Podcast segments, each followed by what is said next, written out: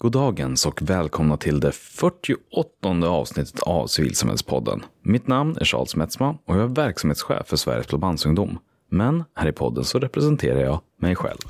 Sverige är ett land som är byggt av folkrörelser. Och vi vill lyfta fram de unga kandidaterna till styrelsen. Om en grupp av människor har en gemensam intresse, då kan de bilda en förening. Det är en gryende folkrörelse.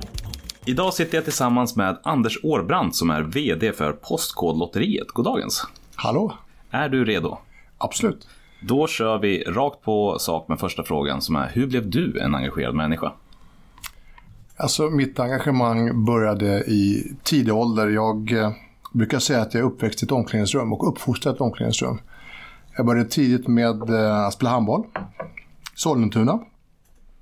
Eh, och eh, det gick ganska bra för mig så jag blev värvad till Cliff som ligger i Bredäng. Och eh, Cliff och Bredäng på 70-80-talet var kanske det första eh, området som verkligen blev invandrartätt.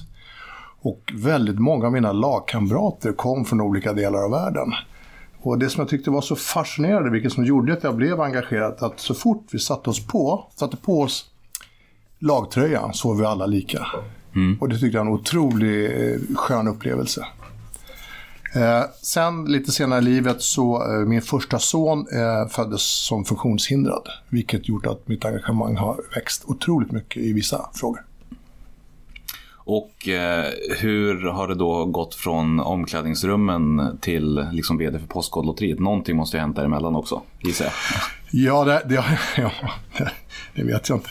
Men eh, det har hänt mycket, men jag tycker att att vara vd eller ledare för ett bolag är, handlar väldigt mycket om gruppdynamik och eh, få ett, ett, ett gäng med människor dra åt samma håll och försöka nå, nå samma mål med stort engagemang. Och då tror jag att gruppens kraft är mycket starkare än den enskilda personens eh, kraft.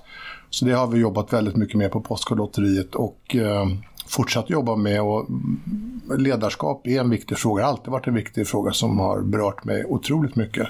Därför det är skillnader på ledare och ledare och man kan se att eh, bra ledare gör, kan göra underverk faktiskt med ganska små medel. En eh, spontan fråga som dyker upp då. Eh, har du någon, vad är upplevelsen av skillnaderna mellan att leda, att vara ledare i en ideell förening och det sammanhanget kontra ett bolag? Nej, men jag tycker inte att det är så stor skillnad. Det handlar för mig väldigt mycket om hur man, hur man jobbar med människor. Hur man respekterar olika människors åsikter och idéer och tankar och värderingar. Eh, det, det, är olika. Om målet är att man ska bli börsnoterad eller att man ska vinna en seglartävling eller något annat eller en skidtävling.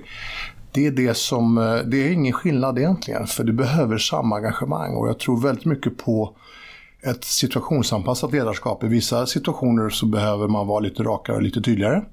Och i vissa andra så behöver man vara lite mer lyssnande och lite mer eftertänksam. Eh, men det är ingen skillnad. Och jag tycker om föreningslivet i Sverige. Jag brukar säga det till mina utländska kollegor. Jag tycker att vi har en så otroligt fin modell i Sverige därför att vi börjar redan vid barnsben och träna på demokrati. Där vi går med i en fotbollsklubb och eh, vi ska välja en lagkapten i laget. Man kommer bli lite äldre, man ska välja en eh, styrelse, man ska välja en ordförande man lär sig en demokratisk process och man lär sig förstå att varje människa har en rätt och en skyldighet att eh, säga det man tycker och lägga en röst. Och jag tycker det är otroligt starkt. Jag tror det är en av, en av de grundfundamenten som vi har i Sverige som gör att vi är ett eh, bra land. Mm. Fint, jag håller med. ja, tack. Eh, Det vi ska prata om här idag specifikt är ju lite mer en sån här övergripande eh, metafråga kring civilsamhället som mm. handlar om hur civilsamhället finansieras. Mm. Eh, och då särskilt med fokus på det som ja, men ni pysslar med. Mm. När, när civilsamhället finansieras av spel om pengar. Mm. Varför ska vi prata om det? Kan du ge någon slags ingång i samtalet?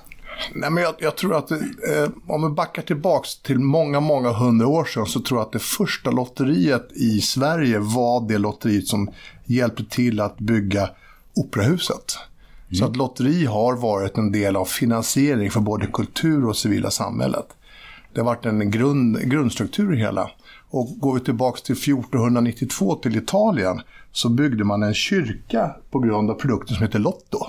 Så det är en väldigt gammal produkt, Lotto. Så det, ligger liksom, det finns en historik bakom lotterier och välgörande eller goda ändamål eller icke-monetära ändamål på det. Eh, Så det där känns, det känns naturligt. För spel om pengar är ju inte helt oproblematiskt. Därför jag ber egentligen er köpa en lott för 100 kronor. Och så säger jag att du får tillbaka 40 procent om du har tur. Och det är ju ingen bra affär. Men du kan också vinna en miljon. Så man lever, handlar ju väldigt mycket om drömmen. Om man inte vinner, vilket man oftast inte gör i lotteri, för det ska man vara ärlig och säga de stora vinsterna, för det hade inte funkat. Så går pengarna vidare till, i vårt fall, eh, ideella organisationer, 56 stycken organisationer. Och jag tycker insamlingsmodellen är väldigt, väldigt bra. För du skapar en dröm och du gör människor lyckliga. Men du gör också saker eh, att du kan göra världen bättre. Men är det någonting som, eh, skulle du, har ni någon sån data eller känsla för om majoriteten av de som köper till exempel då Postkodlotten, Mm, Postkodlotteriet, ja. Det gör ingenting.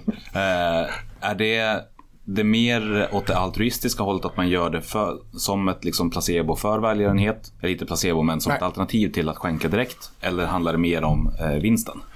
Den potentiella vinsten? Alla kunder i princip, om vi ska generell, är med i ett lotteri, spelar ett lotteri för drömmen om att vinna pengar. Det, det, är, grund, alltså det är grundprodukten som handlar om det jättemycket. Eh, däremot så stannar man kvar i ett prenumerationslotteri därför att man, pengarna går till goda ändamål. Det ser vi att det ratear ganska högt på de, eh, på de delarna. Eh, men du är med och startar ett lotteri för att du ska vinna pengar. Och då när vi ibland får kritik, vilket vi, man ska få som företag tycker jag också, så får jag alltid frågan, ja men varför ska jag köpa lotter för när jag vill ge pengarna till WWF? Då säger jag så här, ge pengarna till WWF direkt. Gå inte till oss. Då bränner du av 40% och 30% i kostnad. Det är helt onödigt. Är du säker på att du vill gå till WWF och eh, ge dina pengar så gör där. Vill du få ett bredare perspektiv med 56 eller 55 förmånstagare till så är det ett utmärkt, eh, utmärkt investering att köpa och vara med i Postkodlotteriet. Därför att vi har sedan starten eh, samlat in 10 miljarder till det civila samhället. Det är sedan 2005. 2005. Och det är vi sjukt stolta för. Det är ganska stor 10, summa pengar. 10 miljarder gör skillnad. Men ett eh, prenumerationslotteri då? Ja. Eh, jag tänker för att ju- just nu, särskilt i den här tiden med väldigt mycket aggressiv kasinoreklam, så finns Ja. det en ganska levande debatt om eh, problemen med spelande. Är prenumerationslotteri en bättre eller sämre variant av spel om pengar? Nu är förstås du... Jag är något biased i den frågan, men, Ja. men eh, jag tycker att eh, jag har aldrig varit en storspelare själv. Jag har alltid tyckt att eh, man ska skapa sin egen lycka. Jag tycker att man vinner sina egna matcher. Eh, man tar sina egna eh, fighter. Eh, Idag tycker jag att eh, spelmarknaden har gått eh, överstyr där det är för mycket reklam och där man lockas till för mycket spel helt onödigt. Prenumerationslotteri eller lotteri generellt sett är ganska låg återbetalningsprocent på och ganska hög peng som går vidare till antingen till ideella sektorn eller faktiskt till staten i vissa frågor också. Jag tycker det är ett utmärkt spel för en bred massa. Casino, det är de som är specialister som ska vara där. Den är inte för den breda massan. Eh, så på det sättet tycker jag att lotteri är bättre eh, generellt eh, sett uttaget. Men om vi går tillbaka till frågan om välgörenhet och drömmen om att vinna. Så, så är det alltid skillnad, och det här brukar jag säga eh, hundra gånger, du kan fråga internt här. Det är skillnad på vad människor säger att de gör och att de faktiskt gör. och den skillnaden är... Skillnaden är att man vill vinna pengar. Mm. Man vill vinna pengar. Men man kan säga att det är bra för välgörenhetens skull. Mm. Vi, och det, hur vet vi det? Därför vi mäter ju självklart de som har vunnit pengar, hur länge stannar de kvar? Och de som inte har vunnit pengar och säger att välgörenheten är en god sak, hur länge stannar de kvar? Och det är tydligt att de som har vunnit pengar blir mer lojala till produkten. Mm. Fan, självklart. Så ska det vara. Därför produkten är att vinna pengar. Sen är vår vision att vi bidrar till ett starkt civilsamhälle för att vi tror att, att ett starkt civilsamhälle är det som kan göra skillnad. Ja, vi har ingenting mot politiker, vi har absolut ingenting mot företag heller. Men civilsamhället är det som gör skillnaden i världen och det är det som kommer göra skillnaden i världen. Det som har förändrat lagar och som har verkligen eh, förändrat politikers sätt att se på världen, det är ju civilsamhället. Det är inte politikerna själva och det är framförallt inte företagen. Och där tror vi har en otroligt viktig roll i vår koncern att fylla. Och där ser vi också att trenderna är att även företag nu börjar agera mer mot civila samhället och, och så att säga, skänker mer pengar. Och pengar är en sak, men engagemanget är viktigare än pengar för mig. Och där ser jag att företag engagerar sig mer. Framförallt i miljöfrågan nu, men det kommer gå andra trender. För fem, tre år sedan var det flyktingfrågan som stod högt på agendan på många företag och nu är det miljöfrågan. Så det går lite trender, men det går åt rätt riktning. Att, att, att engagemang är mer betydelsefullt nu än det var tidigare. Mm. Och eh, på tal om dem... Och jag längtar, förlåt, jag längtar tills den unga generationen kommer och tar över och verkligen ser hur de kan förändra världen på ett positivt sätt. För vi lever som att vi har två jordklot idag. Vi bränner så mycket resurser så att vi har två jordklot. Och befolkningsmängden ökar ju. Och fattigdomen minskar. Det innebär att konsumtionen kommer att öka också det här är någonting som vi vill se till att vi lämnar över så bra arv som möjligt. Men de som är lite yngre kommer att verkligen få kämpa med de här frågorna. Det skulle bli otroligt intressant att se hur framtiden utvecklar sig. Mm. För att hoppa lite ja, grann... Förlåt. Nej, nej. Det är fullständigt rimligt. Ja. Eh, men för att hoppa lite grann då. Ja. Eh, tänkte tillbaka på ja. de här 10 miljarderna ja. som nämndes. Eh, för att sätta dem i någon relation så jag läste rapporten från FRI. Mm. Som jag inte kommer ihåg. Frivilliga Riksorganisation för ja, det är det, ja, förmånstagares eh, branschförening. Ja. ja. Eh, och i deras studier så kom man fram till att eh, 20% av civilsamhället finansieras genom lotterier. Ja, ja precis. Mm. Mm. Eh, och där så stod ni för hälften. Ungefär ja.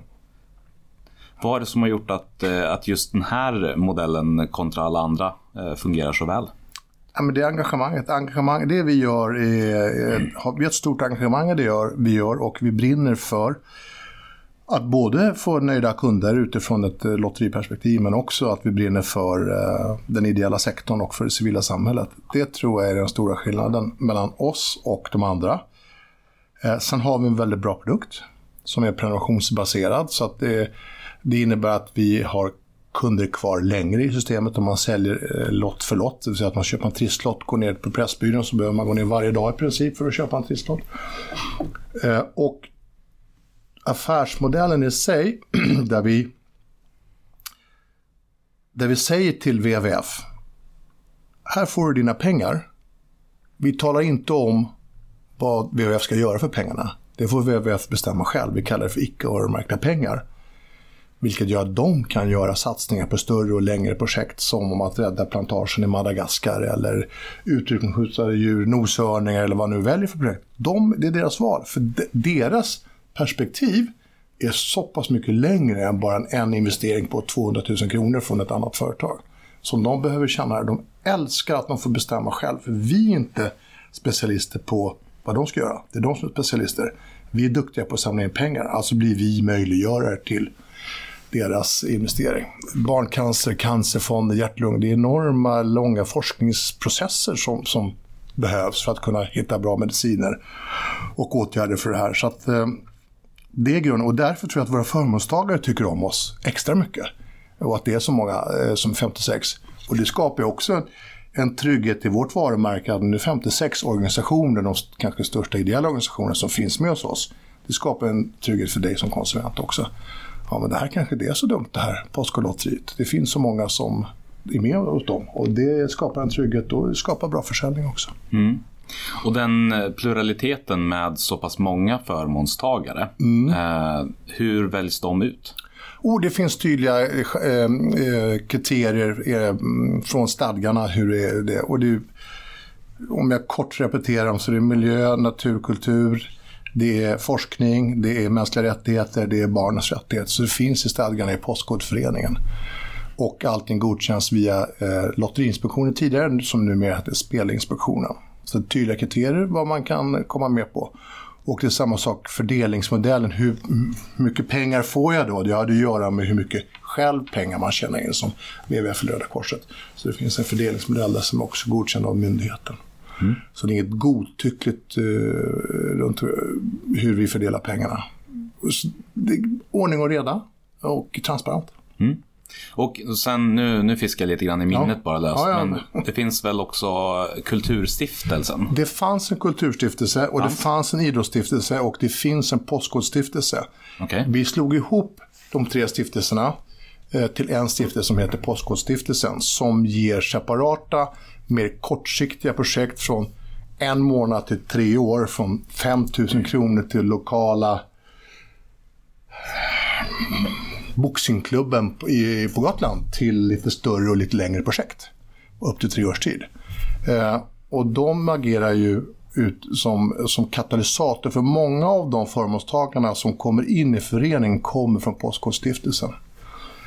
Så det här öronmärkta, jag började med det öronmärkta, det är ju liksom, det, det är där alla vill vara. Men för att komma dit så är det bra att vi, vi testar dem lite från Postkodstiftelsen, se om deras projekt håller och hur det funkar också. Så det är mer riktade pengar, typ så som projektbidrag? De är bara riktade. De är väldigt tydliga och väldigt projektstyrda. Eh, Du ska uppnå det här i det här projektet, så här mycket pengar är det. Vi gör en avstämning halvtid, de åker ut på, i, i fältet och följer upp de här frågorna också. Eh, Så de är väldigt aktiva runt omkring. De är, har mer välgörenhetskunskap än Postkodlotteriets vanliga avdelningar totalt sett.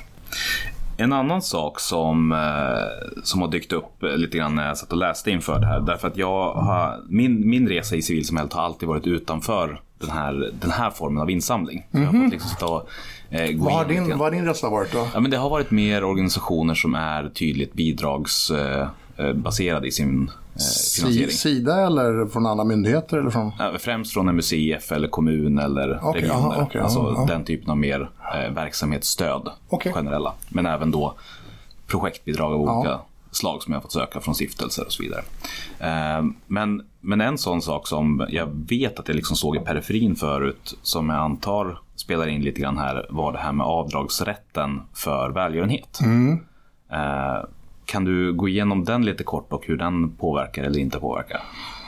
Nej, alltså den påverkar inte oss därför vi lyder under lotterilagen och snarare under, och senare eh, nästa år under, under spellagen. Så det finns ingen avdragsrätt eh, eh, när man är med i Postkodlotteriet överhuvudtaget. Men eh, avdragsrätten är ju en fråga, det är en, här och nu en politisk fråga har varit det länge tycker jag. Uh, och där finns det, det finns andra länder som har bättre exempel på hur man kan ha en tydlig avdragsrätt. uh, till när man ger pengar till ideella sektorn. Sen kanske man inte behöver gå hela vägen till, till uh, vissa länder som där det är 100% avdragsrätt. Men det finns mellanlägg. Jag tycker, att, jag tycker att det är lite snålt och jag gissar att det är finansministern som håller i pengarna lite grann. Men det är väl också ett rimligt, jag tänker, så som jag har förstått historien så avskaffades liksom välgörenhet från vårt samhälle som så för att man ansåg att det var mer en rättighet än någonting som skulle ges eh, Ja. baserat på eh, den tillfälliga goda viljan. Ja. kan Man ska säga. Men de hade fel. Okej, hur? Därför att eh, världen har förändrat sig. Och v- då måste vi hela tiden hitta nya saker, finansiera eh, oavsett om det heter välgörenhet eller om det heter en, eh, en NGO eller vad det kallas för så måste vi hitta nya modeller för att finansiera det hela. Och eh, det är en rättighet men vi klarar ju inte av Samhället klarar ju inte av att ge alla människor den rättigheten som vi har. Jag nämnde tidigare i intervjun att min min förstfödda son är är funktionshindrad. Jag kan säga att det är ingen picknick att ha en funktionshindrad eh, person i dagens samhälle. Man får slåss för varenda krona. Och de vill ju till och med ändra på vissa frågor i LSS, som heter LSS 71-frågan. Där de minskar stödet till funktionshindrade människor som i princip inte klarar sig själva. De kan inte andas själva. Då måste de leva på ett sjukhus istället för att leva hemma. Samhället klarar inte av det här, tyvärr. Därför måste sådana som vi och säkert som ni också finnas och hitta andra finansieringsmodeller. Litet sidospår men... Ja, förlåt, men det var, Ja. det var bra. För jag, jag, det, det funkar inte. Nej. Det, I'm so sorry, jag älskar Sverige, men det funkar inte riktigt idag. Nej. Och det behövs, eh, det behövs mer och mer stöd, tror jag, från, eh, från företagen. Och politikerna måste vakna till liv.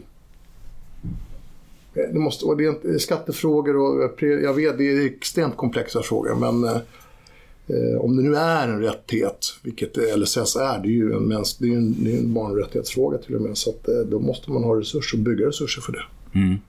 Med samhället klarar inte, Sverige klarar inte av det. Då. Nu ska vi inte gå in på politiska vägval här och sånt där, för det, då blir det fel, för jag är ingen politiker, men eh, engagerad i frågan. Men, men på ta, nu kanske vi inte ska snurra in oss på, på liksom, eh, politiken eh, generellt sett.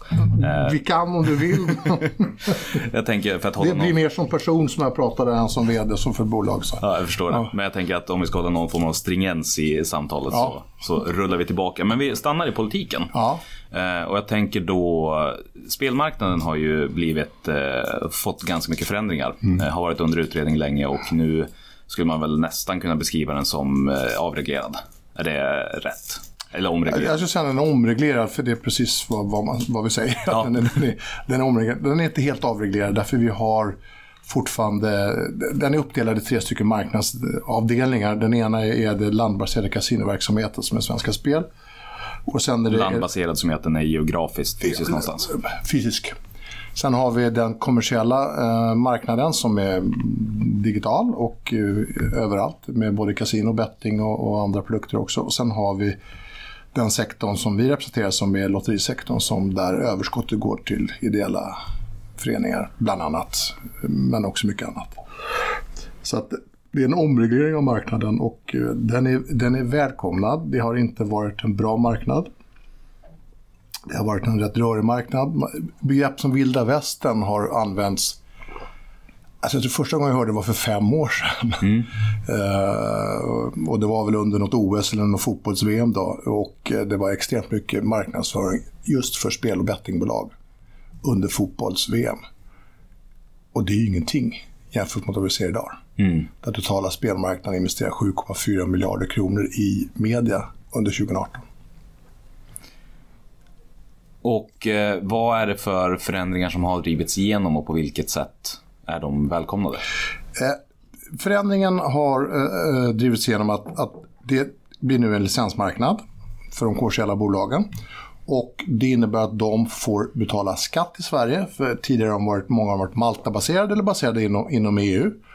Och då betalar de en skatt på 18% på net gaming revenue som det så vackert heter efter man dragit av vinster till kunder. Eh, det är en stor skillnad. och sen så har man ja, egentligen fastställt att den ideella sektorn får fortsatt eh, skattebefrielse därför att pengarna går till eh, ideella ändamål. Och sen har man då låst fast de här eh, fysiska kasinona till Svenska Spel med tanke på att det är en spelberoende fråga. Man vill undvika att eh, starta upp, att, eh, tidigare fanns det mycket svartklubbar och kasinon på, runt omkring i landet. Så det vill man ha kontroll på helt enkelt. Eh, det innebär också att eh, de som har varit licensierade eh, i Malta nu köper licens i Sverige och får då rätt att marknadsföra sig i TV4, på Facebook, på Google och massa andra kanaler som de inte haft rätt på tidigare. Och jag tror att det är 70, om det är 69 eller 70 bolag som har fått licens från den 1 januari. Ungefär 250 varumärken. Och det som har hänt nu på marknaden är att eh, ladugårdsdörrarna är öppna och det är fri öl i baren. Alla springer och kör på. Det är precis det som har hänt nu. Och det var det som hände i Danmark också 2014 när man öppnade marknaden för den delen. Så att det vi ser nu kommer inte fortsätta. För att? Det, kommer inte finnas, det finns ingen lönsamhet att investera så mycket pengar i marknadsföring som, som det gör. Så det kommer bli konsolidering, bolag kommer köpa bolag och vissa kommer eh, inte klara av eh, konkurrens på marknaden. I Danmark var det ganska bra jämförelse, för Danmark är väl ungefär hälften i alla fall befolkningsmässigt av Sverige. Där var det 48 bolag som sökte licens. I ett år senare fanns det 20 bolag kvar, så det halverade egentligen då marknaden på ett år ungefär. Och eh, medieinvesteringarna bromsades och gick tillbaka till den tidigare nivån som tidigare. Mm. Så det, det tror jag kommer hända i, i Sverige. Men det kommer fortfarande vara... Det kommer bli sämre innan det blir bättre. Det kommer bli mer tryck. I'm so sorry. Det är min prognos i alla fall. Januari bara, det är en tidig månad eh, och de riktigt, det riktiga trycket är inte riktigt än. Det kommer lite senare. Det kommer komma höst. När, när det börjar närma sig liksom gränsen om ska vi fortsätta satsa eller ska vi Ja, framförallt så är spelbranschen är lite... Den är, den, det är olika dimensioner i spelbranschen, men när det blir mörkt i Sverige och lite tråkigare utomhus och lite kallare så ökar det digitala spelandet eh, ja, per definition. Men i och med den här nya eh, liksom omregleringen Ja. av spelmarknaden då. Har det blivit så att lotteridelen är mer eller mindre sammankopplad med andra typer av spel efter det? Det beror på vilket perspektiv du tittar på. Okej. Från ett kundperspektiv så är jag rädd och lite orolig för att vi blir som vilket annat spelbolag som helst. Och därför är det väldigt viktigt för oss att särskilja oss och informera våra kunder och marknaden om att vi har faktiskt sedan starten skänkt 10 miljarder kronor till ideella verksamheter. Det kommer bli otroligt viktigt för oss. Eh, blir vi spelbolag och kommer in i kasinovärlden som är ett mycket, mycket snabbare spel eh, så, så är jag rädd för att det blir eh, förväxlingar mellan oss. Eh, så Vår position måste vara väldigt tydlig och är, kommer vara tydlig på marknaden. Att det är vi som ser till att delar av civilsamhället får investeringar. Ja, för jag tänker att eh, i, i min värld är det i alla fall ganska stor skillnad, speciellt om man börjar då prata om eh, spelberoende eller liksom den typen av problematiskt spelande. Alltså att det är en väldig skillnad på lotterier eh, jämfört med eh, betting eller andra typer av mer snabba spel. Är det en rätt Ja, men jag är jätteglad att du säger det. Jag önskar att alla människor i Sverige kunde se det på samma sätt. Ja. Ehm, Men det är ju eh, skillnad på spel och spel. Jag ska inte säga att det är helt omöjligt, men det är väldigt svårt att bli spelberoende på Postkodlotteriet eller en Triss eller en Bingolotto som du faktiskt behöver fysiskt gå och köpa någon annanstans eller prenumerationslotteri. Jämfört mot ett kasinospel där du kan trycka på en knapp för tusen kronor i sekunden. Det, det, det är sån enorm skillnad på, jag brukar prata om, om alkoholfri öl och starksprit. Det, det är så stora skillnader är det på de här eh, branscherna. Som en del av nykterhetsrörelsen så vill jag ju ändå poängtera att det är skillnad på ingen alkohol och lite alkohol. Men Ja, okej. det, nej, men det, det, det är väl korrekt. Sa jag, vad sa jag? Sa jag alkoholfri öl? sa jag det? Okej, vi kan lättöl då. ja, Om du, för det, det jag kanske bättre. liknelsen i vilket fall. Ja, men lättöl kanske är bättre jämförelse. För det är klart att det finns eh, vissa risker. Men, men, och det här tror jag är jätteviktigt för oss i, i branschen och eh, särskilja. Det här var en del av utredningen som jag inte var jättenöjd med. Att det inte kom fram den här riskklassificeringsfrågan. Därför det är skillnad på spel och spel. Och det tror jag.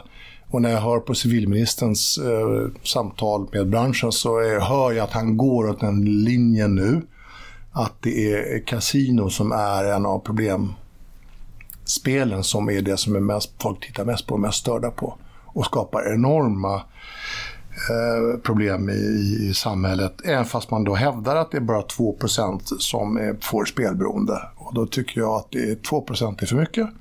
Vi brukar prata om noll, eh, nolldimensioner i trafikolyckor. Det har vi inte lyckats med i Sverige heller. Men jag tycker att det ska finnas noll spelberoende i Sverige. Det är fel. Man ska Men- beroende av spel. Men går det att... Eh, är det rimligt att tänka sig att man erbjuder någonting som är beroendeframkallande men som inte ska generera ett beroende då? Nej, det, det går inte. Nej. Den ekvationen går inte. Men ambitionen ska alltid vara så att du ska ha sådana insatser och möjligheter till att göra saker för att undvika ett spelberoende, även fast du använder produkt som skapar ett beroende. Det är ambitionen.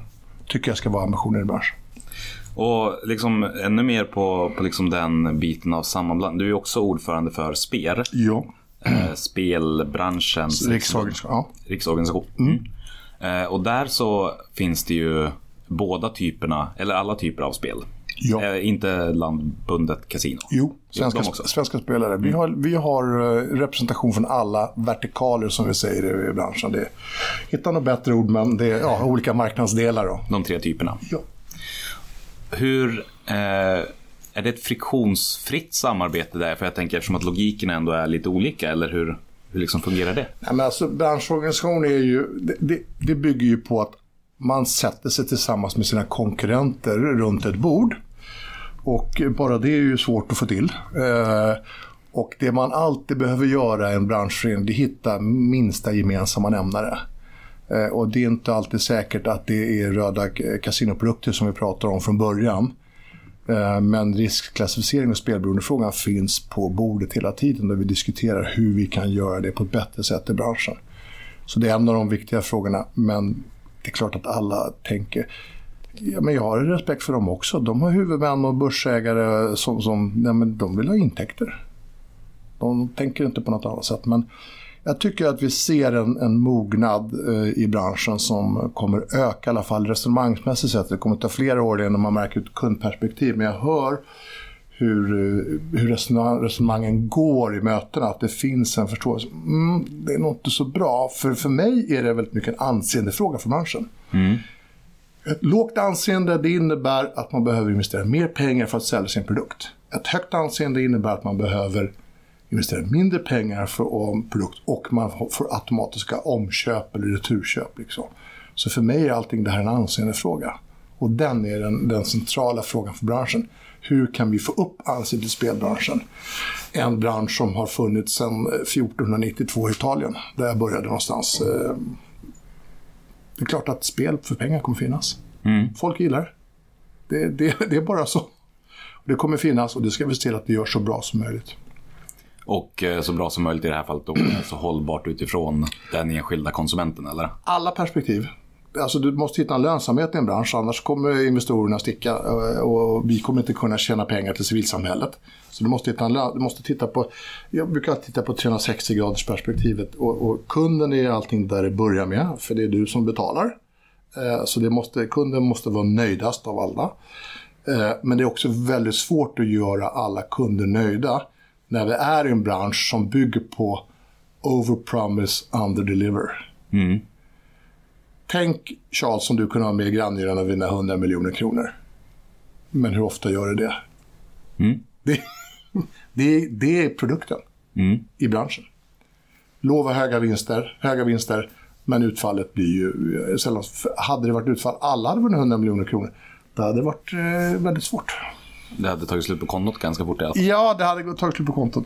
Så att anseendefrågan är A och O för mig i branschen och i, i, i spel att vi jobbar med den. Och där tycker jag att Svenska Spel, ATG och vi som är med i spel är överens om att det måste vi jobba hårdare på för att få till det hela. Sen har vi volymfrågan i reklamen också. En sak är utformningen, hur det ser ut och, och sånt där. Men volymfrågan är att det är mängden. Och mängden kommer minska.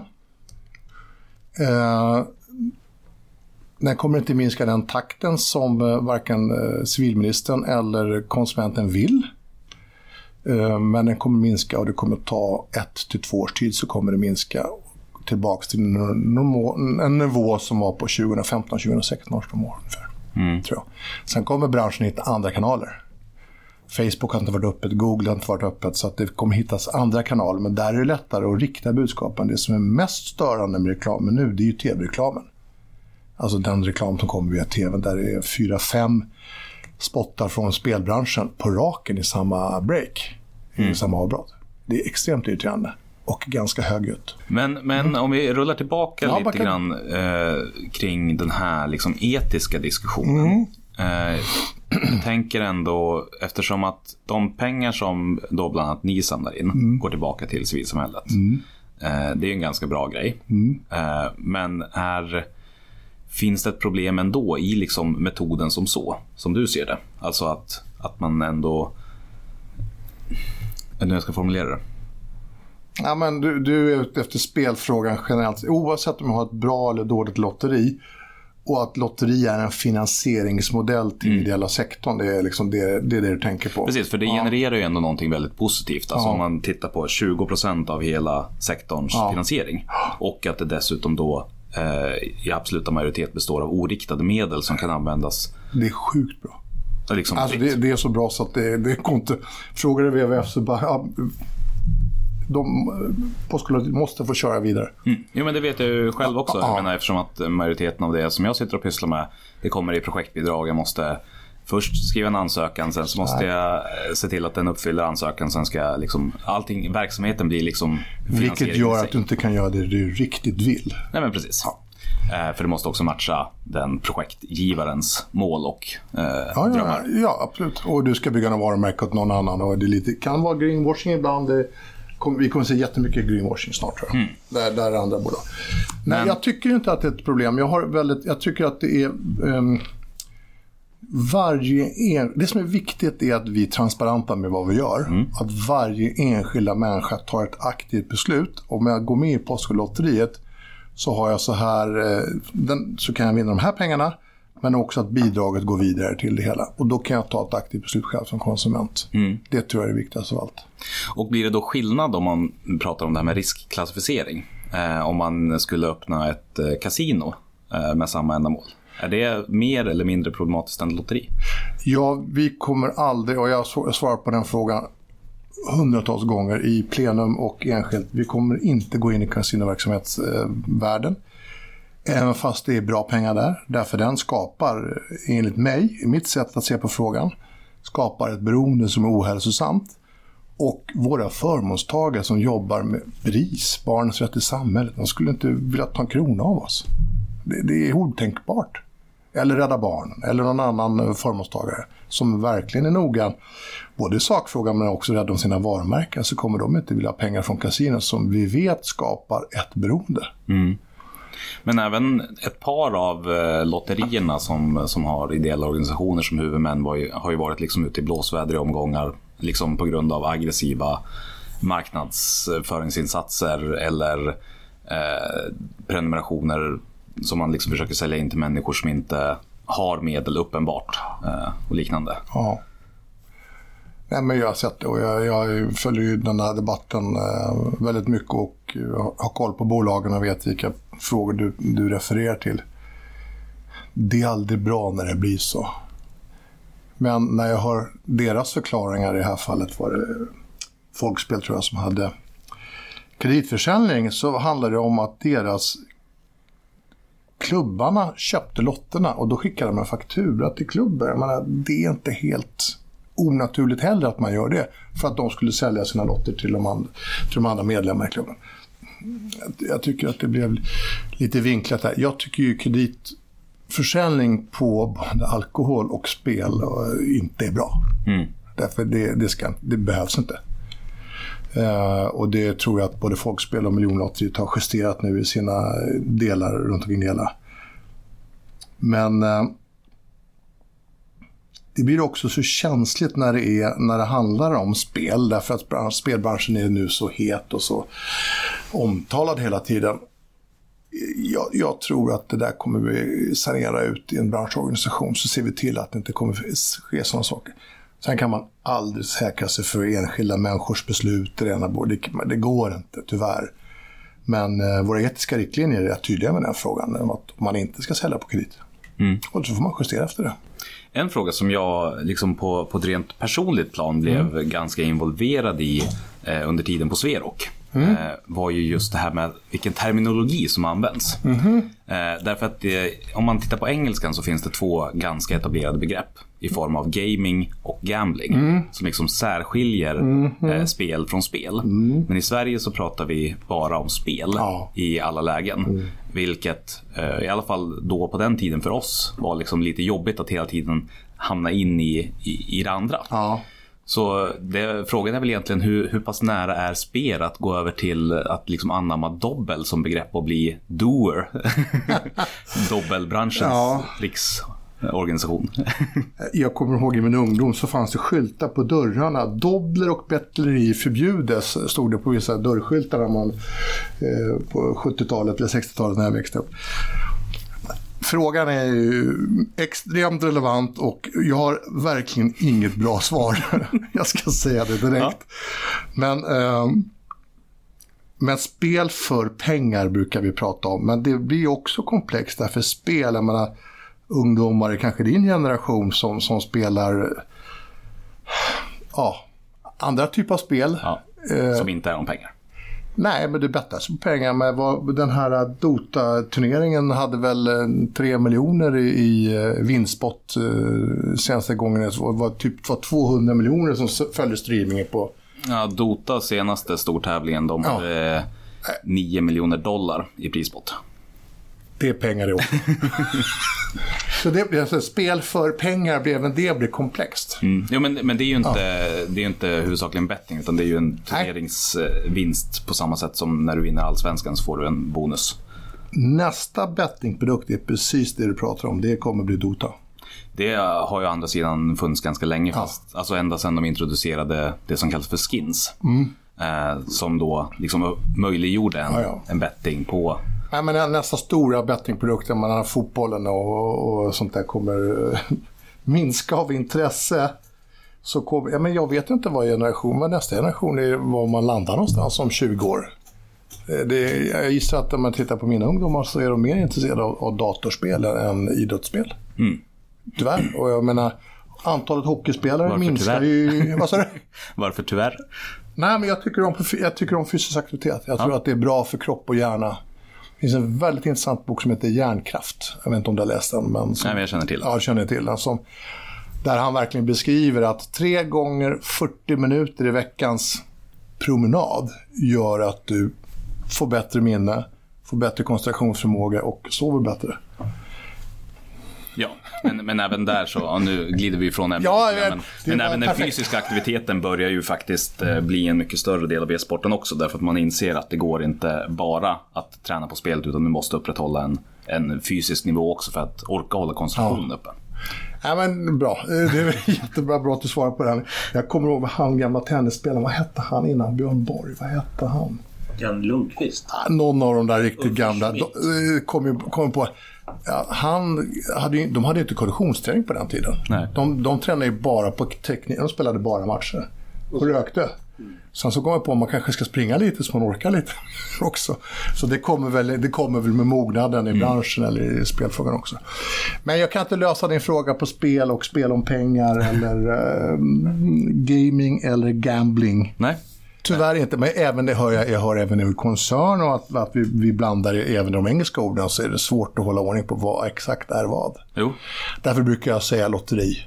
Ja. Och lotteri är det tydligaste begreppet som vi har, som jag kan referera till. Och lotteri känns som det är vedertaget, det är allmänt och folk vet vad det är. Det, Ja, men för er del är det lite lättare. ja, tur att det är lite lättare för oss någon gång. Ja. eh, nej, för, för speciellt när man börjar komma in i och prata till exempel om spelberoende Ja. så är det ju ofta någonting som liksom blandas ihop i någon slags sörja. Alltså båda de grenarna som Ja. är ändå i min värld väldigt olika. Det är, för mig är det också väldigt olika.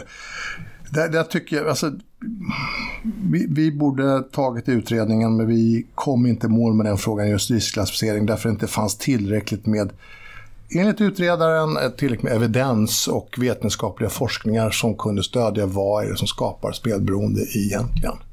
En ganska svår fråga. Alltså, jag har verkligen respekt för frågan. Det är, det är inte bara höga vinster, utan det finns flera andra parametrar också. Men jag tror att branschen kommer landa in att det är skillnad på spel och spel. Det kommer komma dit. Och då tror jag lotterier är det vi, som vi kommer fokusera på. Okej, men vi hoppar lite friskt igenom. Det var ju ändå bara ett eh, personligt instick som, som jag inte vet hur relevant det är för någon annan än mig i den här diskussionen. Det termer. blir säkert jättebra. Eh, Men tidigare så nämnde du lite grann kring eh, företagsvärlden generellt. Och om vi ändå är inne på finansiering av eh, civilsamhället på liksom ett bredare plan. Jag fick ändå uppfattningen av att du har någon form av liksom, känning även i näringslivets åtagande generellt och vad företag behöver göra. Nej, men jag, jag, ja, men vi har ju massvis med leverantörer som, som är rena näringslivsbolag.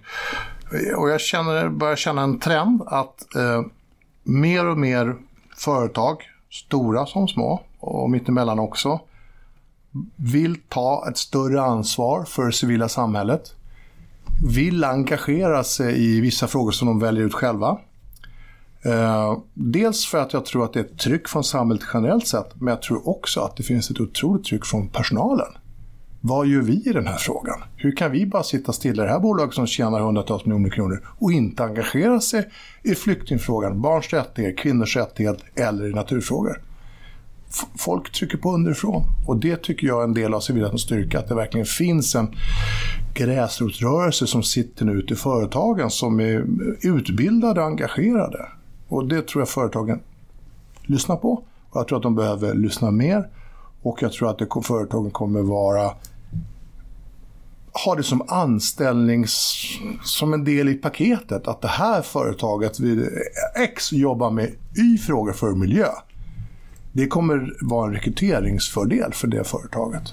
Och det tror jag är otroligt eh, spännande och viktigt eh, för bolaget. För Postkodlotteriet, även fast vi har eh, levererat in 10 miljarder till civila samhället, tar inte hela ansvaret för, för alltihopa. Och vi har valt hos oss att ha två stycken volontärdagar för all vår personal som de får gå ut och jobba med i princip vad de vill. Det är lätt för oss för att vi har 56 förmånstagare så vi kan bara välja att ställa upp dörren till massa delar. Men jag tror att så fort jag säger det till mina kollegor i, i eh, näringslivet så tycker de att det är en superbra idé. Två dagar per år som man Ja, får. två dagar per år. Volontär, var får välja vad du vill. Vi har, jag har plockat skräp ute i naturen och eh, det har blivit en optimistjolle av det skräpet. Ja, faktiskt. Det presenteras på båtmässan nu. Eh, vi har varit och vi har soppköket, Stadsmissionen. Eh, varje jul brukar vi ha den. Och eh, vi har lyft madrasser i, ute i, i Fittja Tumba till inkommande flyktingar under, för tre år sedan. Vi engagerar oss i många sådana frågor också. Och det gör ju att det skapar ett engagemang i vårt bolag så att liksom, vi får ju någonting tillbaks också från det hela. Och jag är ju alltid ute, åtminstone en gång per år, ute i, på field trips, jag är ute i fältet och tittar vad gör våra förmånstagare för de pengarna de faktiskt får från oss. Eh, senast var jag i, eh, ja, i Ungern var jag. Eh, väldigt intressant situation ur ett mänsklighetsperspektiv. Eh, där man faktiskt förbjuder NGOs i Ungern. Och man flyttade ut ett helt universitet från Soros. Så flyttade man ut till Österrike. De bara, ni får inte vara här längre. Väldigt, väldigt spännande. Sverige används som en hävstång i retoriken. Att titta hur dåligt det är i Sverige. Baserat på Trumps uttalande What happened in Sweden last night. Eh, jag var i, i eh, Chad. Det är inte många människor som har varit i Chad. Det ligger i Afrika, nedanför Darfur. Och tittade på viltvård och hur man hindrade mm, tjuvjakt helt enkelt. Eh, Otrolig historia därifrån där, där de har rangers, alltså sådana som vaktar och sen så träffar han som var chef för hela den här strukturen och hela, hela parken. Det är gigantiskt och det är flygplan för att vakta hela parken. Och jag, men hur gick det förra året? frågade jag då. Ja, men det var ett fantastiskt år. Det var ingen enda elefant som dog. Men det var fyra vakter som blev nedskjutna. Det är rätt stort. Sen tror jag, om vi går tillbaka till företagen, jag tror att konsumenterna kommer välja produkter och företag som gör någonting mer än bara säljer sin produkt. Jag tror att det blir en konkurrensfördel i framtiden. Max hamburgare till exempel. Eh, tydligt att de till och med blir klimatpositiva nu för tiden. Och jag tror att det är en, eh, liksom en del för konsumenten, den nya konsumenten som bara, nej men vi vill nog äta bra och nyttigt. Och inte påverka klimatet. Eh, Så din trendspaning är egentligen att, eh, att företag, det som liksom har varit dominerande nu ett tag med en snygg CSR-sida och liksom någonting lite grann med, med ena handen på sidan av. Ja. Att det kommer att behöva liksom implementeras på något sätt i själva affärsplanen. Det är en del, det, för, mig, för oss är det alltid en del av affären. Jo, men det- men för dem eller, eller för andra företag så kommer det behöva bli en del av affären. Det, ska, det är affären som ska styra hur, eh, hur duktig man är på CSR och hur klimatneutral man är. Och ju bättre man är på det, desto större konkurrens för det kommer man få. Det är min trendspaning. Jag kan ju ha sjukt fel. Eh, Jag har haft det förut. Men eh, här känner jag rätt tydligt att det, det är bra. Och Sverige ligger i the forefront. Alltså vi ligger långt fram med de här frågorna. Så det är jätte, jättespännande faktiskt att se. Men risken när man gör framtidsspaningar är alltid att man missar helt och hållet. Ja. Mm, wow. Men samtidigt så, så känns det ju som en ganska naturlig utveckling som jag verkligen hoppas på också. Eftersom att eh, det finns eh, i liksom samhället generellt sett ganska stora utmaningar och där behöver egentligen alla eh, olika pengar som finns och florerar på något sätt bidra till en bättre värld. Sen är det inte säkert att det nödvändigtvis är ideella organisationer men på något sätt så måste det ändå syfta till någonting annat än bara ren vinst. Nej, men det är helt riktigt. Och, och, jag ska citera en, en för detta FN-ambassadör, Jan Eliasson. Han sa så här på något event, eller när jag träffade honom. Ingen kan göra allt, men alla kan göra något. Och det där alla, det är när den mängden kommer, då börjar det bli riktigt intressant och då händer det saker i samhället. Ja, nej, men jag börjar känna mig eh, färdig. Har du någonting som mer du vill lyfta eller någon annan, någonting som jag inte har tagit upp? Alltså egentligen inte, men jag, jag vill bara säga att jag har en otroligt stor tro på ett starkt civilsamhälle. Jag tror att ett starkt civilsamhälle kan och kommer göra en förändring för Sverige och världen i framtiden. Det finns många exempel som ehm, där civilsamhället har agerat. Kvinnlig rösträtt till exempel för många år sedan. Ehm, men också barnaga och andra strukturer som har förändrats i samhället. Frågan är, den stora frågan är vad civilsamhället kan uträtta i framtiden. Och den får vi låta hängande i luften. Fina slutord. Eh, avslutningsvis då så får du då berätta om någonting som du har gjort som du är stolt över. Och någonting som du har misslyckats med. och där det viktiga då är vad du lärde dig av detsamma. För vi ska inte bara gotta i misär. Det är bara att plocka någonting rent Stolt. personligt. Är det personligt? Eh, Det är utifrån dig som person. Stolt? jag är alltid stolt. Säg det då. Ja, det blir så icke ödmjukt. Nej, fast samtidigt eh, själva poängen med frågan är för att minska mängden ödmjukhet inför olika saker. Ja. Det är mest för att, eh, för att jag ska känna mig bättre med mig själv som alltid är stolt med allt. Ja, exakt. Jag är stolt över att jag varje dag försöker utvecklas. Jag försöker alltid lära mig någonting nytt varenda dag. Och det tänker jag igenom på kvällen när jag går och lägger mig. Vad var det jag lärde mig idag? Vad lärde du dig igår då? Igår lärde jag mig att det inte alltid blir som man vill. Det känns som eh, någonting du har lärt dig flera gånger i så fall. Ja, men det är klart att det aldrig blir som man vill. Jag, bruk, jag brukar säga det, vi pratar om eh, beslut i, i hierarkier internt och sånt där. Och så. Om man har en bra dag, för det är många svåra beslut som kommer till, till mig som, som chef och, och ledare för bolaget. Om man lyckas ha 51% bra beslut och 49% dåliga beslut så har man gjort ett jäkligt bra jobb. Och det ska man komma ihåg. För det är väldigt många svåra frågor och det, frågorna är oftast mycket mer komplexa än när man får dem på bordet så man kan, man ser inte riktigt helheten alltid. Nej, det är ofta när man tittar tillbaka efter några år som man ser att vad hände, varför. Ja, absolut. Och, och det är väldigt klokt att du säger det för att jag, menar, jag pratade med någon, in, i någon annan fråga här. Om, om vi tittar tillbaka två år i tiden, var var vi då någonstans? Ja, men då var vi på ett helt annat läge i bolaget. Och, men när vi, där och då så var det som vi gick till jobbet vilken måndag som helst. Men det var en stor förändring vi gjorde. Och eh, det andra, misslyckandet och lärdomen. Ja, du, jag har gjort så många misslyckanden i mitt liv så att eh, jag eh, kan inte... Jag måste hitta på något som ett misslyckande i mitt liv. Nej, Jag önskar att jag hade pluggat mer när jag var liten. Mm. Jag fokuserade så otroligt mycket på idrotten. Så jag prioriterade idrotten istället för, för läsandet. Det ångrar jag idag. På vilket sätt drabbar det dig nu då?